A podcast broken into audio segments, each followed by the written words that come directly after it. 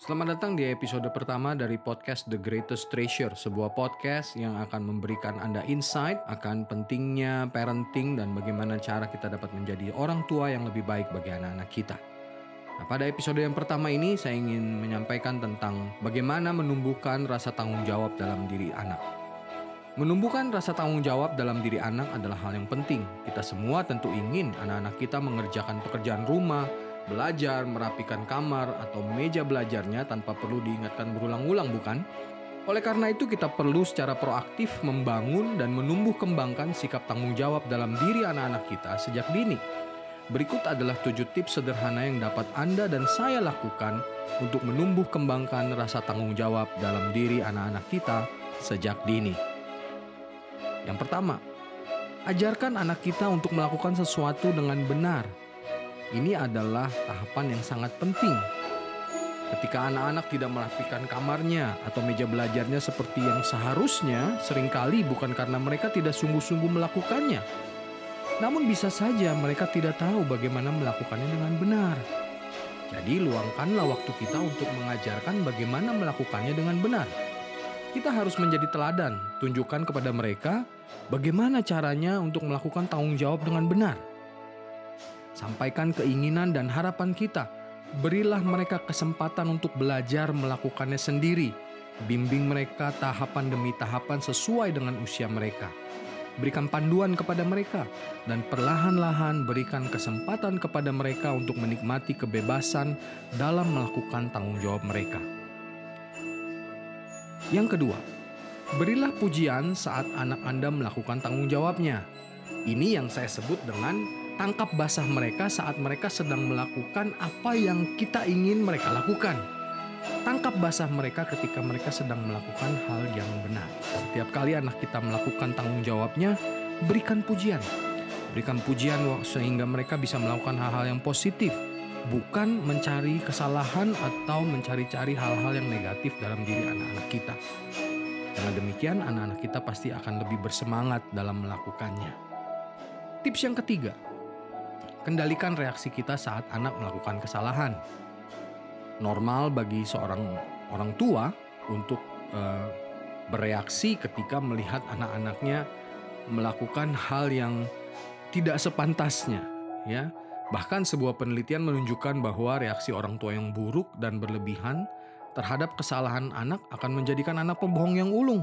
Ketika kita memberikan reaksi yang berlebihan, ketika kita overreacted, maka anak akan cenderung menutupi perilakunya.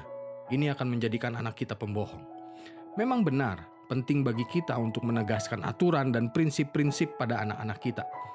Namun tidak perlu berlebihan. Kita cukup fokus untuk mengajarkan anak kita untuk bertanggung jawab atas tindakan mereka, bukan menghukum mereka atas kesalahan mereka.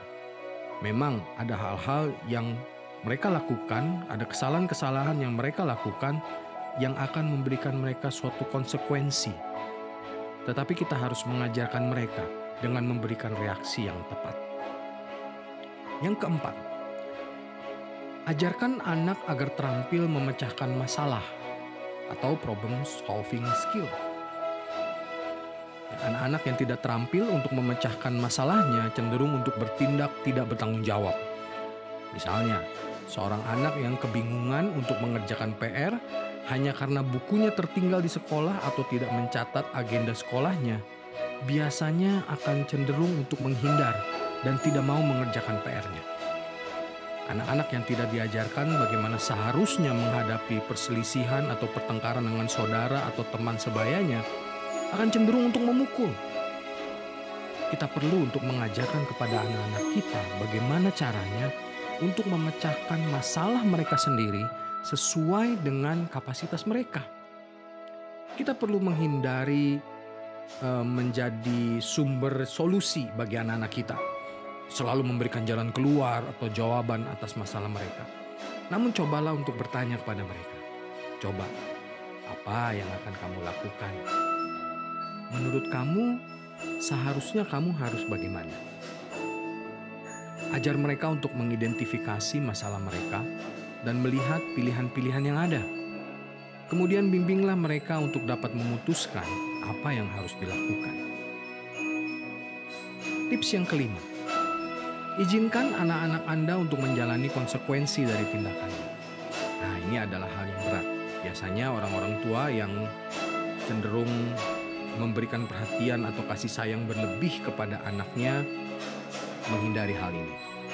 Tapi kita perlu tahu bahwa konsekuensi adalah guru yang terbaik.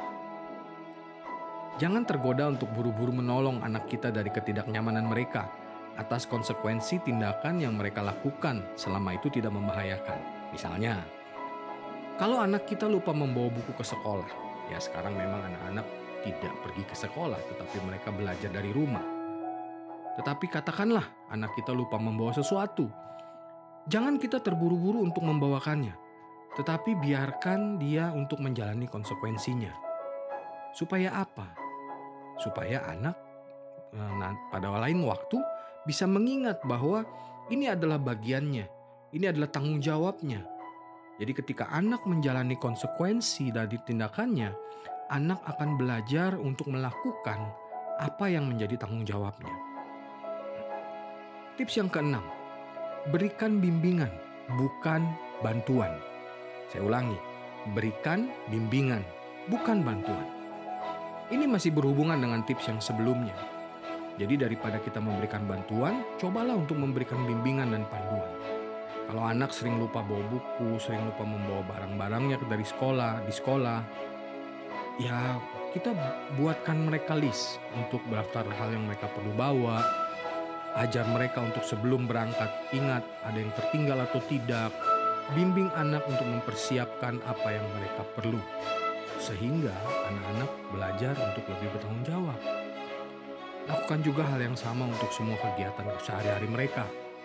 Diskusikanlah jadwal harian bersama mereka dan cobalah buat susunan jadwal dan list keperluan yang perlu dipersiapkan oleh anak-anak kita. Kita perlu membimbing anak-anak kita untuk dapat melakukan jadwal tersebut setiap hari. Dan tips yang terakhir, kembangkanlah reward system. Kita tidak bicara mengenai reward and punishment, tetapi harus ada reward system. Misalnya, izinkan mereka menonton televisi selama satu jam bila mereka sudah mengerjakan PR atau belajar selama dua jam. Atau Ajaklah mereka pergi bermain atau bertamasya di akhir pekan bila mereka merapikan kamarnya selama satu minggu penuh. Kita bisa menjadi orang tua yang kreatif dan menunjukkan kepada anak-anak bahwa ada suatu hal yang istimewa yang menanti mereka ketika mereka melakukan tanggung jawabnya.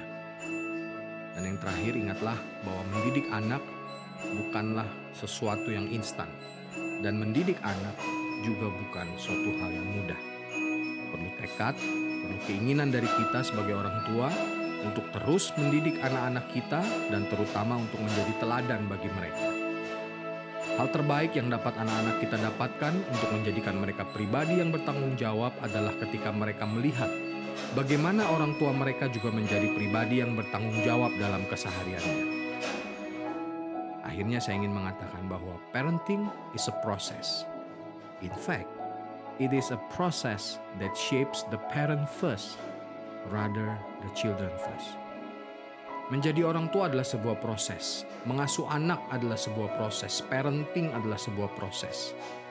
Dan faktanya, proses itu akan membentuk orang tua lebih dulu daripada anak-anak kita. Sampai ketemu di episode berikutnya. Have a nice day.